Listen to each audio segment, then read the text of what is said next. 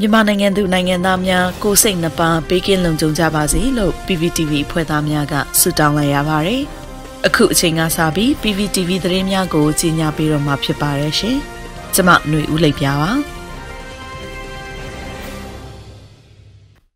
ပထမဆုံးအနေနဲ့အမျိုးသားညီညွတ်ရေးအစိုးရကအမည်စင်းတင်သွင်းခဲ့တဲ့ဦးတိုးအောင်ကိုပြည်အောင်စုလွှတ်တော်ကိုစားပြုကော်မတီ CRPH က ပြည်အောင်စုစည်ရင်စစ်ချုပ်အဖြစ်အတီးပြုတ်ခန့်အပ်တာဝန်ပေးလိုက်တဲ့သတင်းကိုတင်ဆက်ပေးသွားမှာဖြစ်ပါတယ်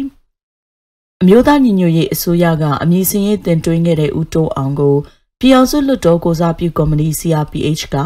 ပြည်အောင်စုစည်ရင်စစ်ချုပ်အဖြစ်အတီးပြုတ်ခန့်အပ်တာဝန်ပေးလိုက်ကြောင်းမနေ့ကဇူလိုင်လ10ရက်နေ့ရက်စွဲနဲ့ထုတ်ပြန်ကြေညာခဲ့ပါတယ်။ဦးတိုးအောင်ဟာဗိုလ်ချုပ်အောင်ဆန်းရဲ့အကိုကြီးဥပဝင်းရဲ့သမီး ဒေါ်ခင်မြဝင်းရဲ့ခင်ပွန်းဖြစ်ပါတယ်။ပြည်တွင်းနဲ့နိုင်ငံတကာမှာနှစ်ပေါင်းများစွာလုပ်ကိုင်ခဲ့တဲ့အတွေ့အကြုံတွေအရဗန္နာရေးငွေကြေးစီမံခန့်ခွဲရေးနဲ့စီမံအုပ်ချုပ်ရေးနယ်ပယ်တွေမှာကျွမ်းကျင်သူတဦးဖြစ်တဲ့ဦးတိုးအောင်ဟာအမြင့်ဆုံးတာဝန်အဖြစ်အီတလီနိုင်ငံရောမမြို့မှာရှိတဲ့ကမ္ဘာကုလသမဂ္ဂစားနပ်ရိက္ခာအစီအစဉ်ရုံးချုပ်မှာနိုင်ငံအခြေစိုက်ရုံးများဆိုင်ရာဗန္နာရေးမှုအဖြစ်လေးနှစ်ကျော်ကြာတာဝန်ထမ်းဆောင်ခဲ့ပြီး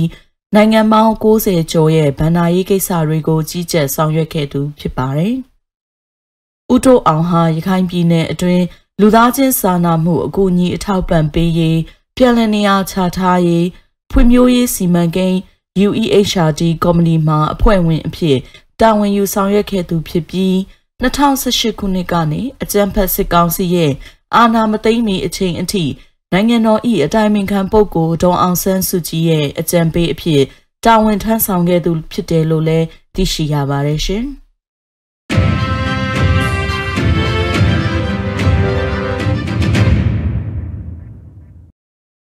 ပြည်သူတွေရဲ့အောက်ဆီဂျင်လိုအပ်ချက်ကိုဖြည့်သွင်းပေးနေတဲ့စက်ရုံတွေကိုအောက်ဆီဂျင်ဖြည့်သွင်းပေးနေမှုရပ်ဆိုင်းဖို့အကြံဖက်စစ်ကောင်စီကအမိန့်ပေးခဲ့တာကြောင့် ရန်ကုန်မြို့နေပြည်သူများအနေနဲ့အောက်ဆီဂျင်ရရှိမှုပုံမခက်ခဲသွားပြီးအောက်ဆီဂျင်ပြတ်လတ်မှုနဲ့ရင်ဆိုင်ကြုံတွေ့နေရတဲ့သတင်းကို တင်ဆက်ပေးသွားမှာဖြစ်ပါတယ်။ရန်ကုန်မြို့ကအောက်ဆီဂျင်စက်ရုံတွေကနေပုဂ္ဂလိကပြည်သူတွေကိုအောက်ဆီဂျင်ဖြည့်သွင်းပေးမှုရပ်ဆိုင်းဖို့အကြံဖက်စစ်ကောင်စီကမနေ့ကညနေပိုင်းကနေစတင်ပြီးအမိန့်ပေးခဲ့တယ်လို့သိရပါတယ်။ဒါကြောင့်ရန်ကုန်မြို့ကအောက်ဆီဂျင်ဖြည့်ပေးတဲ့စက်ရုံအများစုဟာ ဒီကနေ့မနက်ကစတင်ပြီးပြည်သူတွေရဲ့အောက်ဆီဂျင်လိုအပ်ချက်ကိုမဖြည့်ဆည်းပေးနိုင်တော့ဘူးလို့သိရပါတယ်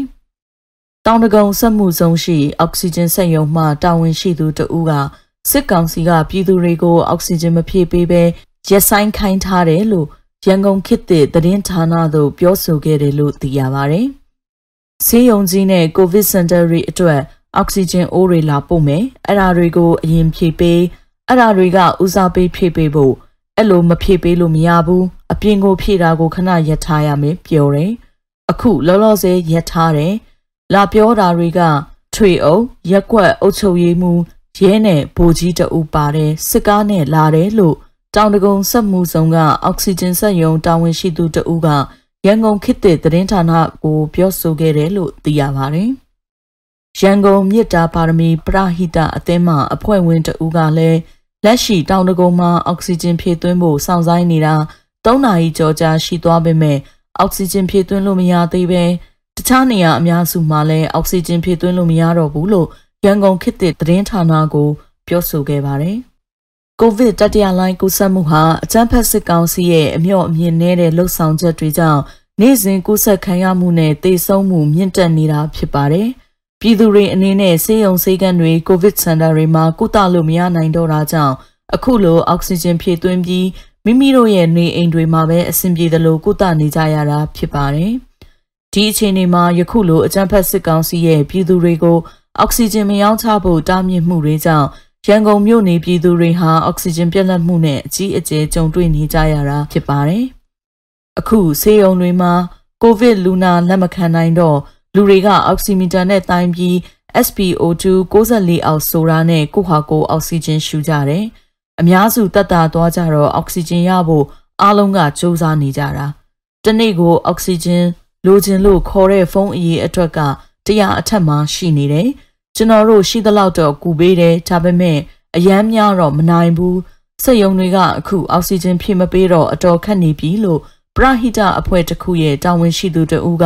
ပြောဆိုခဲ့တယ်လို့လည်းခေတ်သစ်သတင်းမှာဖော်ပြထားတာတွေ့ရပါတယ်။အကြမ်းဖက်စစ်ကောင်စီဟာ၎င်းတို့ရဲ့လက်ပါစီစစ်တပ်နဲ့ရဲတပ်ဖွဲ့ဝင်တွေကိုကိုဗစ်ရောဂါဦးစားပေးကုသနိုင်မှုအတွက်အောက်ဆီဂျင်လိုအပ်ချက်ကိုပြည့်မီအောင်ဖြည့်တင်းနိုင်ဖို့ရည်ရွယ်ချက်နဲ့အခုလိုမျိုးအောက်ဆီဂျင်စက်ရုံတွေကပြည်သူတွေကိုအောက်ဆီဂျင်ဖြည့်သွင်းရောင်းချပေးမှုတွေကိုလိုက်လံပိတ်ပင်တားမြစ်နေတာဖြစ်ပါတယ်။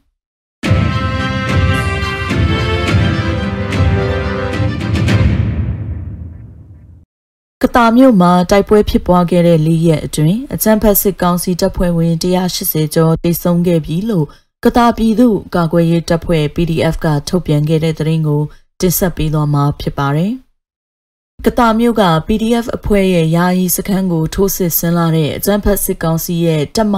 88တရင်304နဲ့309တို့ရဲ့ထိုးစစ်ဆင်မှုကိုကချင်လွတ်မြောက်ရေးတပ်မတော် KIA တပ်မဟာ8တရင်9ရဲ့ဦးဆောင်မှုနဲ့ ကတာမြို့နယ် PDF တပ်ဖွဲ့ကပြန်လည်ခုခံခဲ့တာလို့သိရပါတယ်။ဇူလိုင်9ရက်ညပိုင်းကအကြမ်းဖက်စစ်ကောင်စီတပ်ဖွဲ့ဝင်တွေဟာမိုင်းနှလုံးနင်းမိပြီးတေဆုံးခဲ့တယ်လို့ဇူလိုင်6ရက်နေ့မနက်မှာတော့အကြမ်းဖက်စစ်ကောင်စီတပ်တွေကောက်ကွေချောင်းထဲကနေ14 3စီးနဲ့တက်လာတာကိုစီးကြိုတိုက်ခိုက်ခဲ့တာကြောင့်14နှစ်စီးနစ်မြုပ်ပြီး60ဦးထပ်မံတေဆုံးတယ်လို့ဆိုပါတယ်။ဇူလိုင်9ရက်ညပိုင်းမှာတော့ စစ်ကောင်စီတပ်ကဗျူဟာမှုဦးဆောင်ပြေးတက်လာချိန်မှာ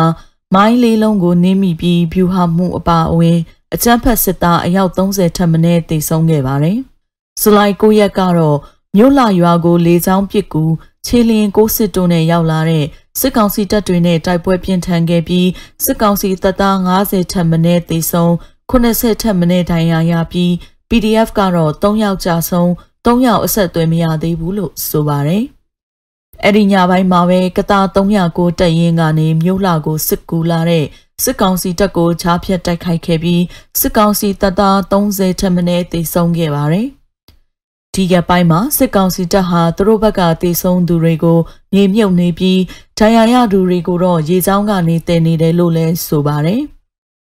KIA PDF ပူးပေါင်းအဖွဲ့တွေဟာကချင်ပြည်နယ်နဲ့စကိုင်းတိုင်းနယ်စပ်ကဒေသတွေမှာစစ်ကောင်စီတပ်တွေကို တိုက်ခိုက်နေတာမေလကလေးကဖြစ်ပါတယ်။ PDF တွေနဲ့ပူးပေါင်းတိုက်ခိုက်မှုနဲ့ပတ်သက်ပြီး KIA ဘက်ကသတင်းထုတ်ပြန်မှုတွေမရှိပေမဲ့တိုက်ပွဲတွေမှာ KIA တပ်သားတွေပါတာကိုညှင်းဆိုထားတာမျိုးလည်းမရှိပါဘူး။ KIA အောက်ခြေတပ်တွေဟာ PDF တွေနဲ့အတူကူညီတိုက်ခိုက်ပေးတာတွေရှိနိုင်တယ်လို့ KIA သတင်းပြန်ကြားရေးဌာနရဲ့ပြောရေးဆိုခွင့်ရှိသူဗိုလ်မှူးကြီးနော်ဘူးကပြောဆိုထားတာရှိပါတယ်။